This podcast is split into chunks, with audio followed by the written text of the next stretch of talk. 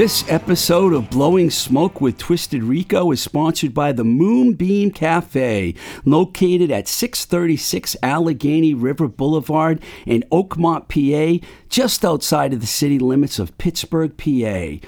Moonbeam Cafe is a traditional Roman style cafe, famous for their delectable biscottis and espresso based drinks. Moonbeam strives to handcraft their drinks with only the highest quality ingredients and doing so with a big smile on their faces. And if you've seen the boss Nina smile, you know it doesn't get much better than that. The main mission of the Moonbeam Cafe is not only to create the best coffee in Pittsburgh, but to spread as much kindness as possible.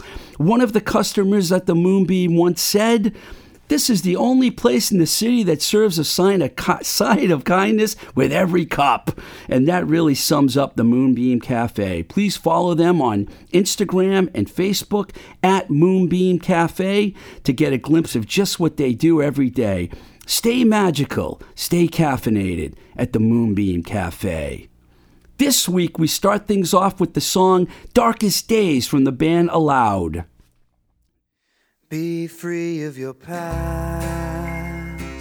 You've done nothing wrong. Freedom is as scarce as the day is long. Stand up tall, stand up straight. You've got nothing ashamed of your love, love, love. Brother, we all need love to get us through the darkest days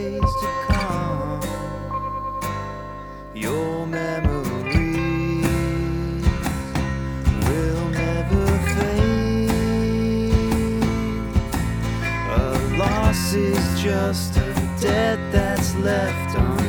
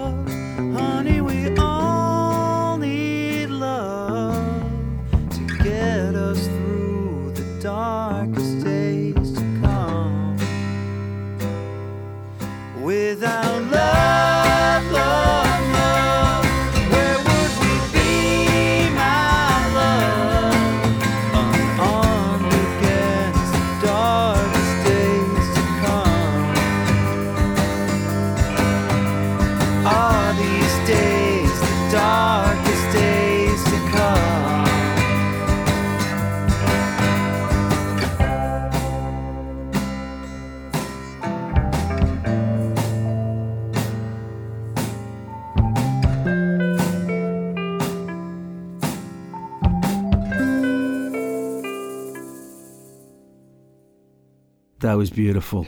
That was the band Aloud from their fabulous third album, Exile, which just recently turned 10 years old a few weeks ago. Where has all the time gone? I've known Henry and Jen since they moved to Boston from their working class Cuban neighborhood in Miami back around, I believe it was 2003. Uh, we were all hanging out at the Abbey Lounge down the road in Inman Square, drinking some brews and having a good time back then. Now they live out in LA and have been making quite a name for themselves as an LA band. They did come back to the air to record their most recent album, Sprezzatura, with Benny Grotto over at Mad Oak Studios. I, I have a lot of respect for Aloud and their continued perseverance to bring outstanding tunes to their fan base. Uh, you could follow them at, on their website, allthingsaloud.com, and you can reach them at aloud at allthingsaloud.com. Great people, great band. It's been a crazy few days for me. I'm going to sum it up. It all kind of hit a, a boiling point, you could say, yesterday when our guest schedule for today, Tracy Garrity had to cancel because she's ill. Um, get well soon, Tracy. Um, less than 24 hours before the show, but we were able to call and get a last minute guest who saved the day, returning to the Blowing Smoke with Twisted Rico podcast. Duncan Wilder Johnson. Woo! All right! known as a musician, photographer, artist, designer, and film producer, and corrector of Blowing Smoke with Twisted Rico host, because if I make a mistake, he'll correct me. Most recently, Duncan and I, and Nick actually, all got to work together on the Jimmy D'Angelo picture frame CD, which is a tribute to the late Worcester legend who passed away two years ago. Duncan came up with a great idea for the cover and uh, made us all proud. So, um, Duncan, how have you survived the last seven months of this pandemic? Uh, You've been able to do some work pretty much. I've uh okay. How do I answer this? Uh, I maintaining you know data time, like that kind of thing. Um, is definitely pretty rough in the beginning. You know, especially financially. Um, but then I started to get some work because of the pandemic. So there's a lot of people doing doing video and doing Zoom, and then they need me to kind of clean up their videos and archive them and stuff like that. So that's one of the many little gigs I have. And um, yeah, and then I've been doing, you know, I've been shooting with a mask on, you know, you know, living off hand sanitizer. Um, Stocked up on toilet paper. st- uh, for the most part, yeah. And uh, you know, uh, got some assistance uh, from here and there, you know, which helped. Um, Dude, and that and that is, and that assistance from from the United States government um, helped me uh, upgrade a lot of my gear, which it de- desperately needed. So That's um, good. So that's a really positive thing, and it's allowing me to um, experiment with some new stuff like 360 degree photography and um, doing a lot of archiving. You know, I just archived um, a lot of work from my family. Uh, so I got pictures of my grandfather in World War II in the Philippines, and he's super skinny and nice. he writes stuff on the back. And he passed away in '86, so it's kind of a cool thing to have, and a lot of you know a lot of you know pictures of uh, you know my mom as a teenager at the beach and stuff. So that was really cool. And then um, I love old black and white photography. Yeah. I have my father's photos from the Korean War. really, Yeah, I've matted a few of them on canvas. I've copied, matted. You know how you do that whole scene, and I and I made a bunch Yeah. and gave them to my family. They love stuff like that. yeah, it's really cool. I mean, photography does a wonderful thing with time. So, uh, and then I've been, I, and then I got a bunch of stuff out of my storage space, and I'm slowly archiving all my own photos and flyers, and What about I'm music? going, oh my god, I, you know, I forgot about that show. You know, Were you able to? I mean, I know you said you kept I've busy. written a Did- lot of riffs.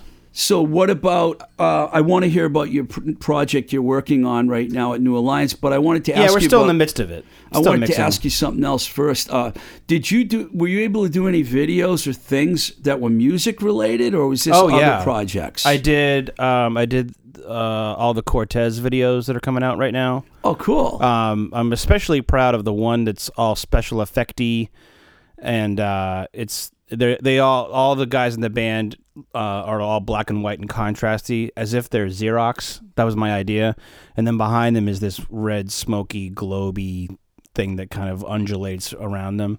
Cortez is a Boston-based band Yeah, for people. Boston Scott, rock Scott's band. in uh, Cortez, right? Yeah. yeah. I know Scott. Scott from- O'Dowd, who is also known as Scotty Montropolis from Bastard Squad. I love Yeah, and Bastard he was in Squad. Static too, which was Yep. before they became my favorite American hero, whatever the name of that band was. Yeah.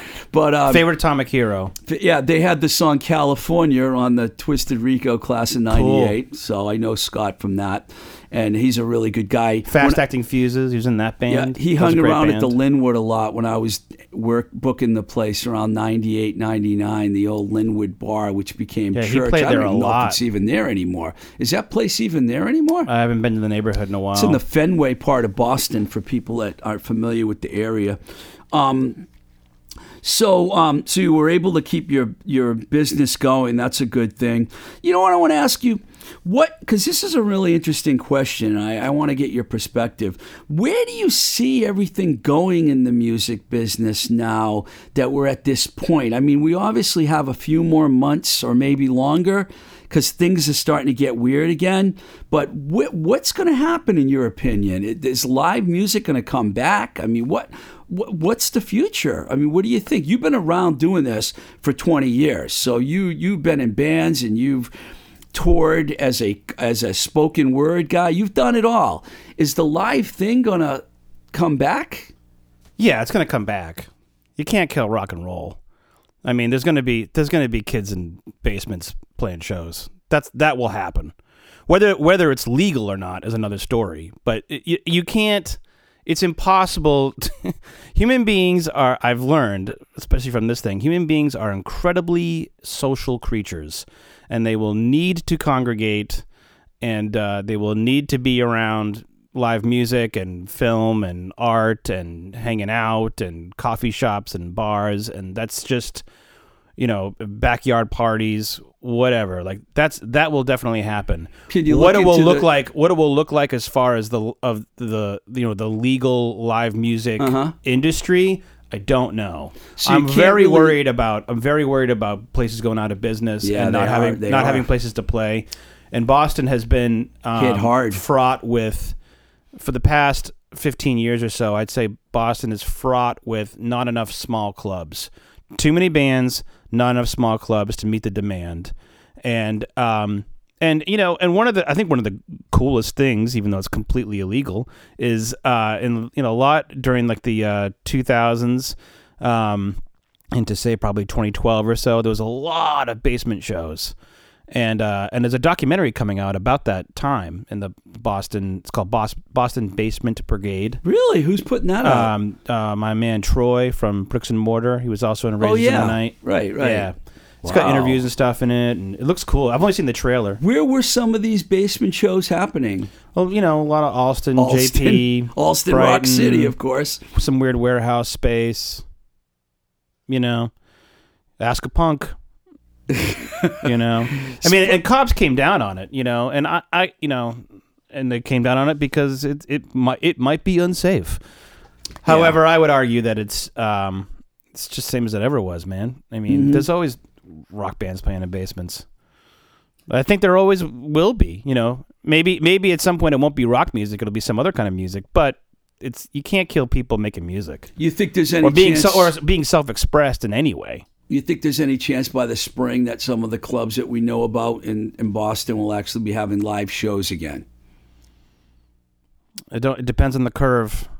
You know, Massachusetts was doing awesome in May and June, and uh, now we're College. Last last I saw, we were we were we were on the the eh, the cusp between medium and high risk. How much of this has to do with the amount of colleges in the area, in your opinion? I think it's probably that has something to do with it. I think also it has to do with people being um, going stir crazy, getting cabin Yeah. fever, you know, and people not wanting to, you know, people want to hang out, you know. I mean, I went two months without doing um a pod. Well, I was doing them at home on my MacBook. I did a, a few episodes, but in June it was so great to be able to come back to New Alliance and do shows with Herb down the hall. Yeah. And, you know, and I haven't missed a week since then. You know, now working with Nick. Yeah. You know, we're just going to keep going. I mean, I got Lee Harrington from the Hoods coming down That's here next week. And, you know, Al Quint from Suburban Voice. That's also and- exciting. Yeah, Glenn Stiff Stilphen wants to come He's in. great too. Yeah, bass player. All star cast on your podcast. Well, you know, I wanted I want to get Glenn in here because I want to talk about another wasted night, which is one of the Gang Green? best best records made. To He's got so many stories from that time. Yeah, He The- was a he was a young kid on Yeah. tour. He was like 14 or something. I don't know if I told you And this, his older and it, there, his mom Chuck. let him go because of the older brother was the was the guitar player. you know they slept on the floor in my house for a, about two weeks. The outlets and Gang Green were in California together, Yeah. and they shared Walter Gustafson, the drummer. Yeah. so they were alternating doing shows all over the West Coast. And my house, where I was living at the time in Torrance, Was headquarters. right down the street from Enigma because the outlets were on Restless Enigma. They all crashed at my place. The Stilphens were awfully quiet during that time and we joke about that a lot because I got to know them better actually when Mallet Head came out because Okay, they, I saw I don't know that music, but it's more of a straightforward hard rock band, but they Yeah. played in at CBGB's, and Glenn actually got up to the mic. We're gonna play one for Steve Ricardo, and they played "Your Mind" by Dag Nasty. They Oh, covered it. wow. it. was really cool. But Glenn's gonna do the show, and a bunch of other people too. So that's exciting. so if it wasn't for this show, man, I would be losing my mind. So I know exactly what you're saying. And, you know, I know the same goes for like Nick and Ethan and Alvin and everyone around here. We're, we're trying to like do what we do to and keep it going. But Yeah. under these very limited circumstances. Well, I mean, know. we're just being smart about it. We're trucking along. Everyone's wearing a mask in the gallery. You know, hand sanitizer. I should have mentioned that Duncan actually has an office right down the hall from here. So in the New Alliance building in beautiful Union Square, Somerville, Mass. Right on. So um, uh, I told Duncan if he came on the show, we could spend some time talking about one of his favorite bands, Black Flag. But uh, before we talk about Black Flag and some other cool punk rock stuff, uh, I want to play a song from Duncan's band, Destructathon. This one's called Daisy Cutter.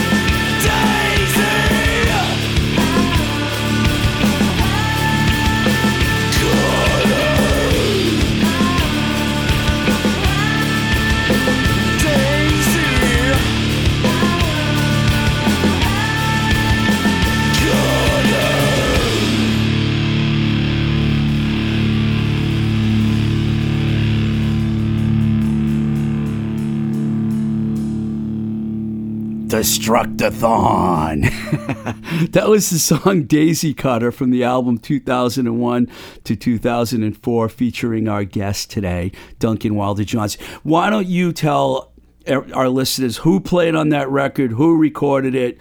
Give us all the background on that track.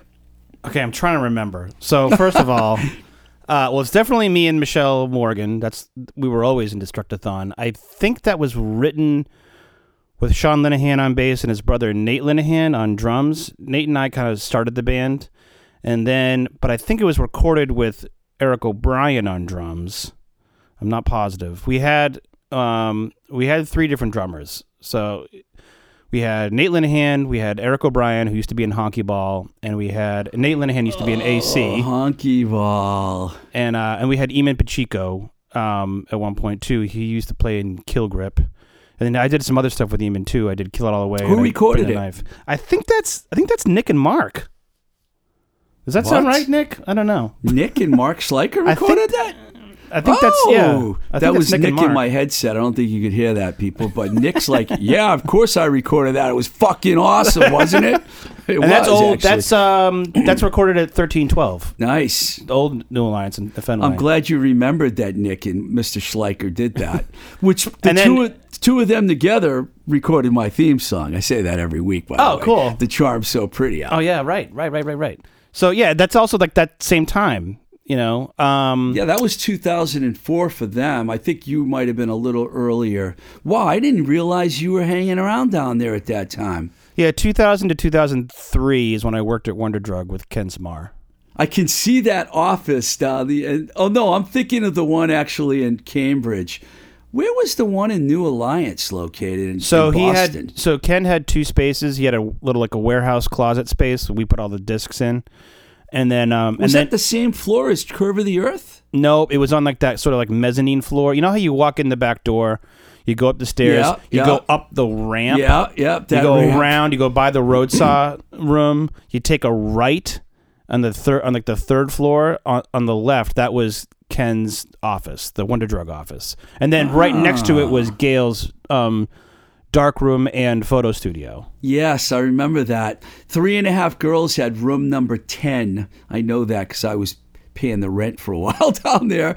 That was on the same floor as Roadsaw, I think. There were always just good that's parties. just down the ramp. Yeah, there were good bit. parties Yeah. there all the time when I was young and used to be able to party like a madman at the new in the New Alliance building. After shows, you'd go there at two in the morning, and there'd be all these people hanging Yeah, around yeah. partying. Get some beer from the Linwood, bring it over. You know, the, the good old go. days. There you go. Well, good. I, that sounded amazing. oh, and the I mean- song the song is about a bomb called the Daisy Cutter. oh, And I think that Nate Linehan is the one who came up with the idea for the song, and then and then I wrote the words, and then I think either either Michelle or Mark and Nick thought of the idea with the backing vocals with Michelle.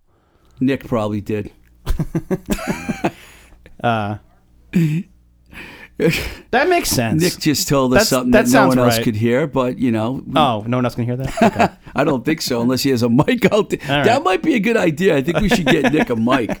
But um, okay, so you and Michelle are still working together. Why don't you tell Yeah. us where you're at right now with your new project? Uh, we're in the midst of mixing six songs, um, and and that's kind of all uh, all we've been doing. I mean, the pandemic pretty much put the brakes on on us work. Like you know, like Is being, it still being in the same room? No, no, we- we're still kind of working on the name thing. but you played me some of the stuff, and I think it's awesome. Man. Thanks. Yeah, it's Ethan, a little bit. Ethan um, recorded it, right?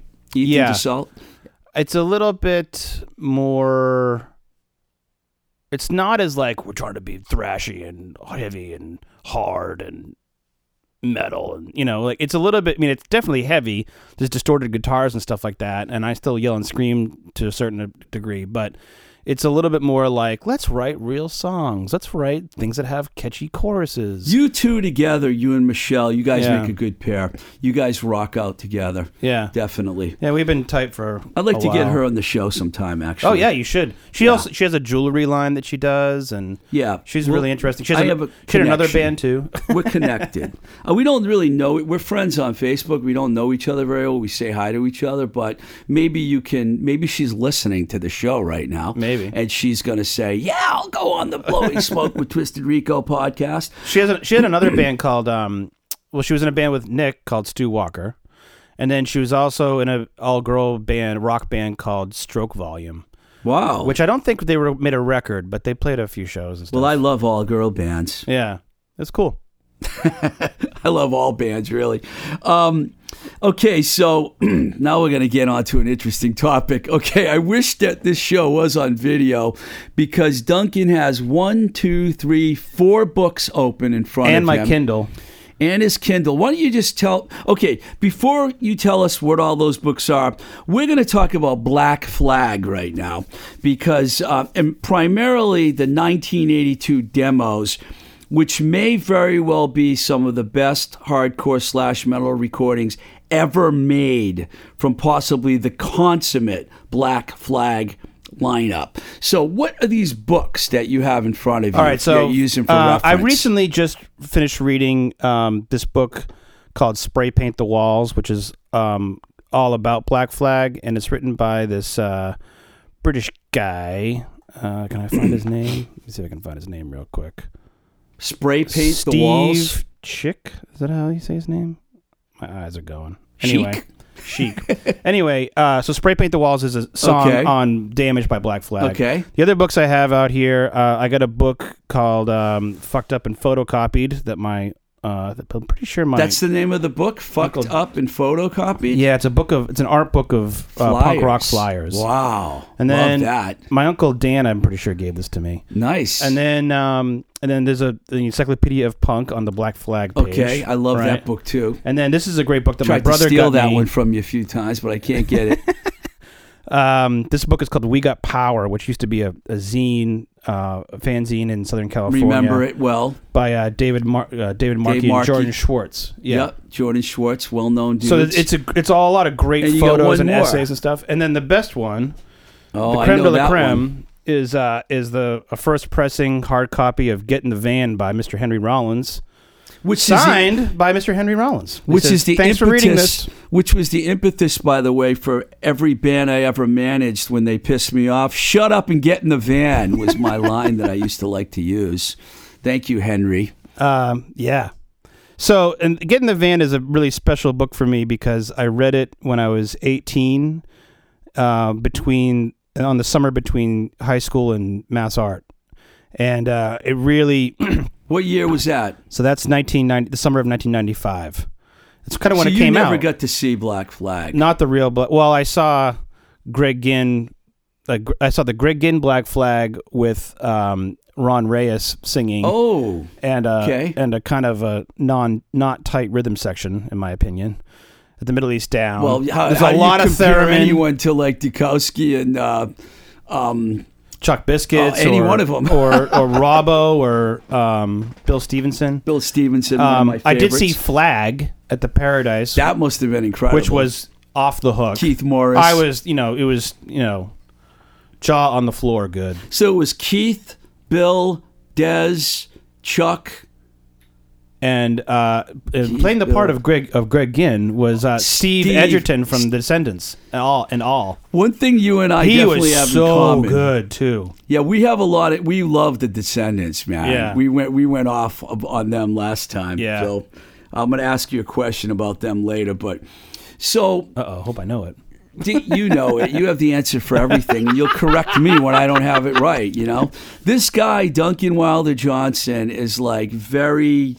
He knows everything. He's one of my favorites. See, I'm a geek when it comes to like music history, and I want to know everything. And sometimes I think I do. And then Duncan comes along and like, no, you were wrong about that year. It was 1981, not 82. So I have to be very careful.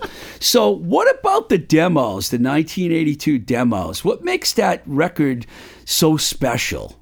Um, well, first of Or all, those recordings, I should say. I think it probably I think it's probably special because it was never fully released. It's only like a tape trading thing. You can you can check it out on YouTube, but you know SST never put it out. Nobody else ever put it out. So it's really just a bootlegged thing. I got my copy from Al Quint, of course. He sent me the uh, all the MP3s. So there there are versions of the song of many of the songs that you know. Um, that were that made it onto My War and to Slip It In, but they're but Including they're, those but two different songs, versions. Yeah. right.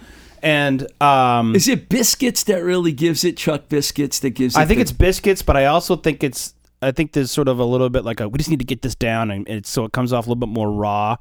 It's it's it's rawer than damaged, and it's rawer than my war or slip it in. Um, but Henry's delivery on it is, I think, some of the most you know gut wrenching, cathartic stuff that he's ever done. Um, so I think that has a lot to do with it too. But there's also like an interesting, there's all these interesting little sort of quirky, trivial things about it. So first of all, they went on this uh, in 1980, I think one towards the end of '81. They went on their first UK tour, and it was abysmal.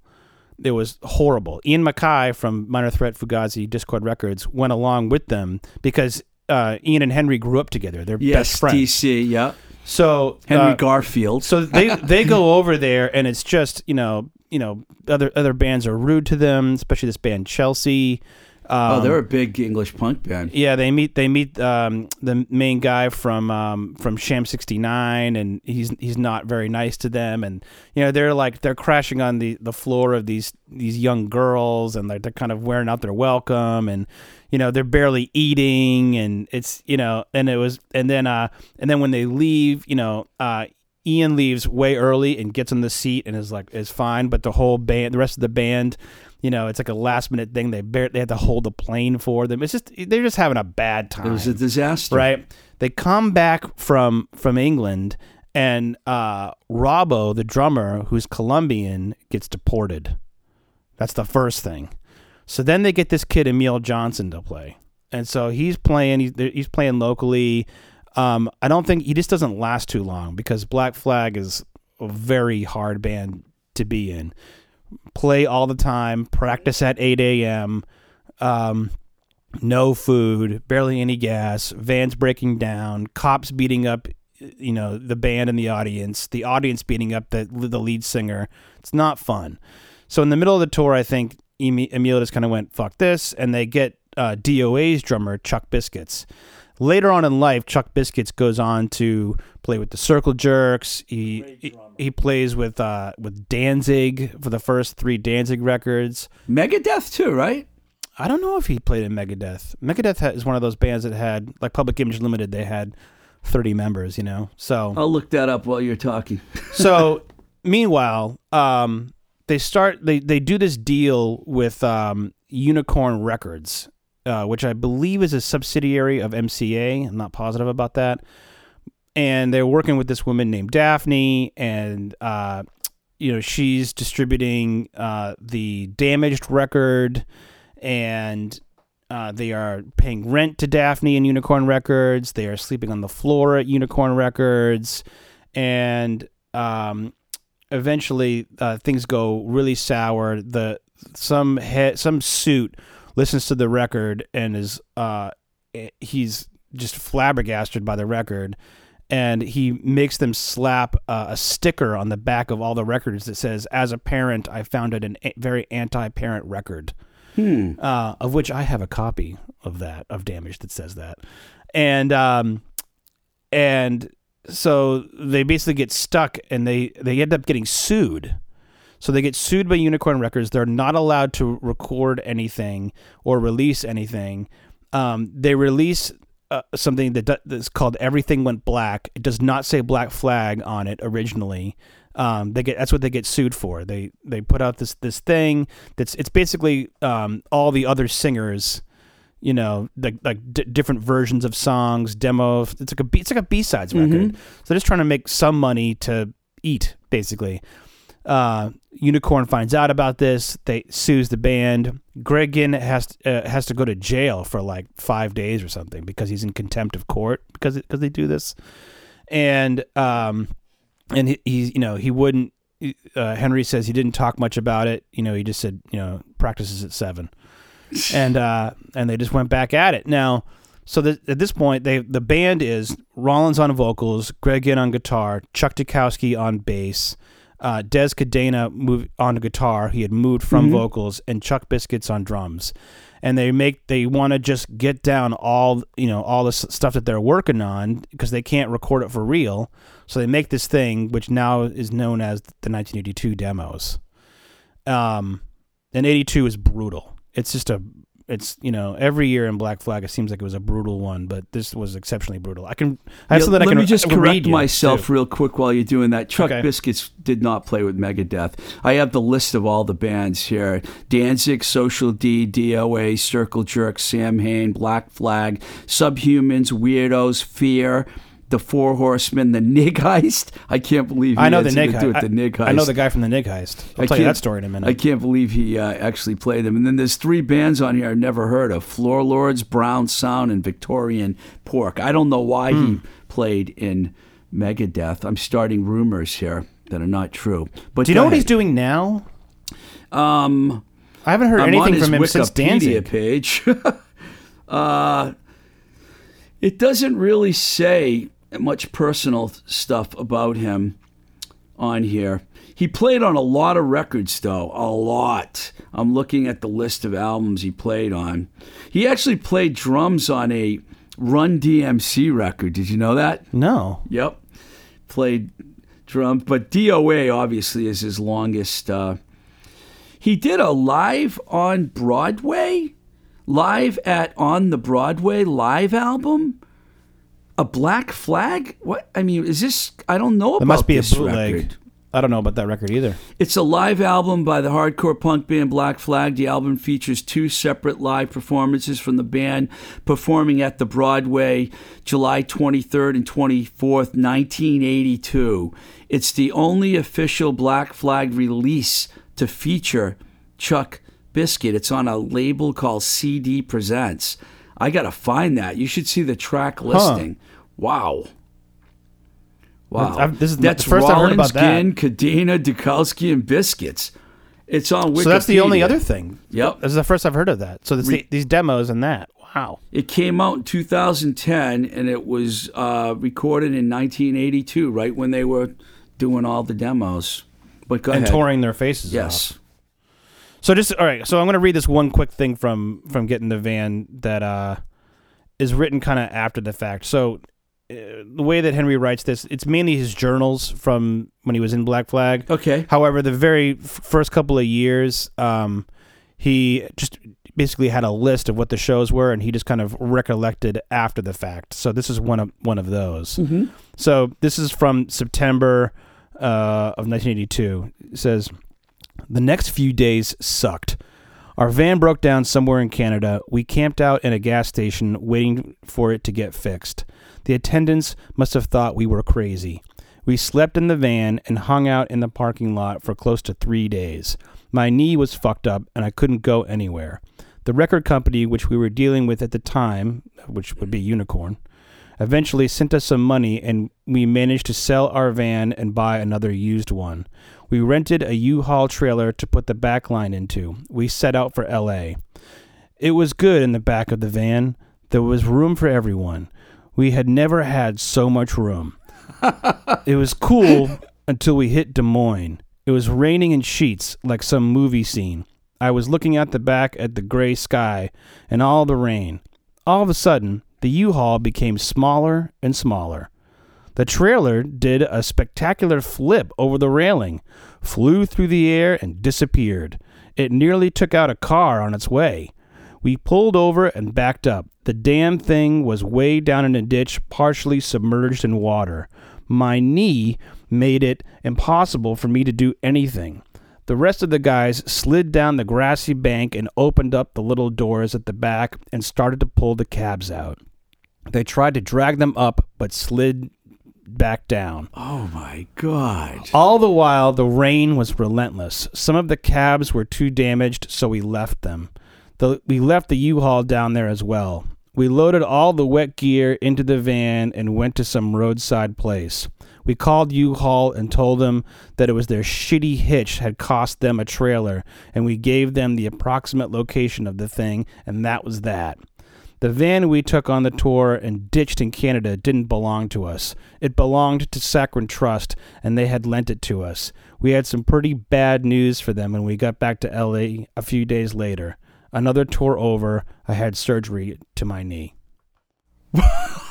Wow. and that's just like Wednesday. They lost all their equipment plus Saccharin. They lost Saccharin Trust as friends in the same process. I think they, oh let, my I think they let it go after a while. God. Wow. Well, thank you for reading that. that was beautiful. Wow. So, um, all right. I want to ask you one other question here. We could talk about this all day. Um, if you had to choose between the Descendents and Black Flag, who would you say is your favorite band? That's a lot of pressure. Black. Flag. Black Flag, really? Yeah, I heard Black Flag earlier. It's it stuck in my brain at 14 or whatever. You know, I heard Descendents much later. It's one of those sort of brain development things. You hear that stuff when you're at that age and it sticks with you forever. It's like why Lemmy always was like, I like Little Richard. You know, it's like it's like that's that's the thing. And you, know? take Rollins over uh, Morris and uh, Dez and Ron Reyes. Uh, no, I think uh, so. I think uh, I'm a big Henry Rollins nut. However, I think Keith Morris is my favorite nice. uh, vocalist for Black Flag. I love Off too. If you ever heard Off, Mm-hmm. his his band that, that was around in the early part of the 20th century, 21st century, and uh, it very much was like uh, early Black Flag. You know, I got to see the Circle Jerks twice in 1984 when I moved to uh, LA. And one of the shows was at the LA street scene. They used to close all the s streets down in LA and have stages all over the place. And thousands of people would show up. And they played with the Minutemen in Fear and Fishbone. They were on the same stage. And so during this is like is it like 84? 84. Wow. 84 maybe 85 i think it was 84 it was it could have been early 85 because you know there's no winter out there so it could have been in the middle of the winter but the one thing i'll never forget is out of nowhere this skinhead gang shows up and they bully their way through the crowd and you can actually see them i was on the side of the stage watching and you could see the skinheads coming to the front. And no lie during wild in the streets a complete riot broke out. There were people throwing bottles from a parking garage. You had to literally cops showed up on horses. It was insane. It's Oh, famous. man. i mean look it up. I was at that show. And um, So wait a minute. Was was the, were the Circle Jerks the headliner? I think Fishbone played after the Circle Jerks. I think it was the Minutemen, Fear, Circle Jerks, Wow. Fishbone. Next I could be a little wrong about that. about that. There was only uh, 35 years ago. I'm trying my best to remember it. I was very young at the time. I love Fishbone too. yeah, but um, I was a huge Minutemen fan at the time. Me I too. appreciated the Circle Jerks and thought they were great, but when you saw the Minutemen play, I never saw the Minutemen. Nothing like them. They were just like they I- were so good. I saw Mike Watt and the Missing Men at TT's, and they played a, a ton of Minutemen songs. This Oh, ain't oh, no picnic. Yeah, they played that. They played, you know, Toady Stuck. They played all that stuff. Um, uh, yeah. I didn't great. get to LA unfortunately until January 1984. I did get to see the whole glam rock explosion, but the punk scene was kind of coming to an end at that time. I did see SSD. that version of it. Yeah, I saw SSD's last show at the Olympic Auditorium Wow. when they opened for Suicidal. The Minutemen were on that show too. The opening band, by the way, was uh, Duncan showing me his SSD mask. I'm sure Al, Al That I got Baril- today. Al Baril will be very happy to hear us talking about that. Um, uh, the SSD played with. Um, uh, it was the Circle Jerks, the Minutemen. I can't remember the other band, SSD and Suicidal, and there were like three thousand people there. And Where and was it? The Starwood? Olympic Auditorium, Olympic. and SSD pulled their Aerosmith trip that show, and I thought it was the ballsiest thing I ever saw. They came out and played straight ahead rock for a hardcore crowd with Suicidal's fans. It was absolutely insane. I talk about that in the uh, the Straight Edge movie that came out. Wha- I mean, how the, was uh, the hard- crowd? The crowd was kind of stunned. Really? Everyone was stunned. Like how I dare was they? stunned. How dare they play mid tempo? Like that kind of thing. Yeah, it was like Springa came out and he had a, a, headband on and a hat. It was so weird. I was like, I waited to see. I, I never saw SS Decontrol. It's the only time I ever saw them, and it was that show. But you know what? No one's going to go up to Al Baril and tell him anything, anyways, because he could kick anyone's ass, you know? Fair so enough. they somehow got out of LA in one piece. But uh, thank you Oh for yeah. joining us here at the last minute. And uh, of course, I want you to come back again because no one comes prepared better than you do with all your books and everything. And I did my best to stay away from any uh, fake facts that I could have thrown out there, with, so you didn't have to correct me. So we survived. Inside joke between us. We survived. But thank you, and you're always welcome to come Thanks, man. the, This is fun. the Blowing Smoke I love talking about podcast. This band.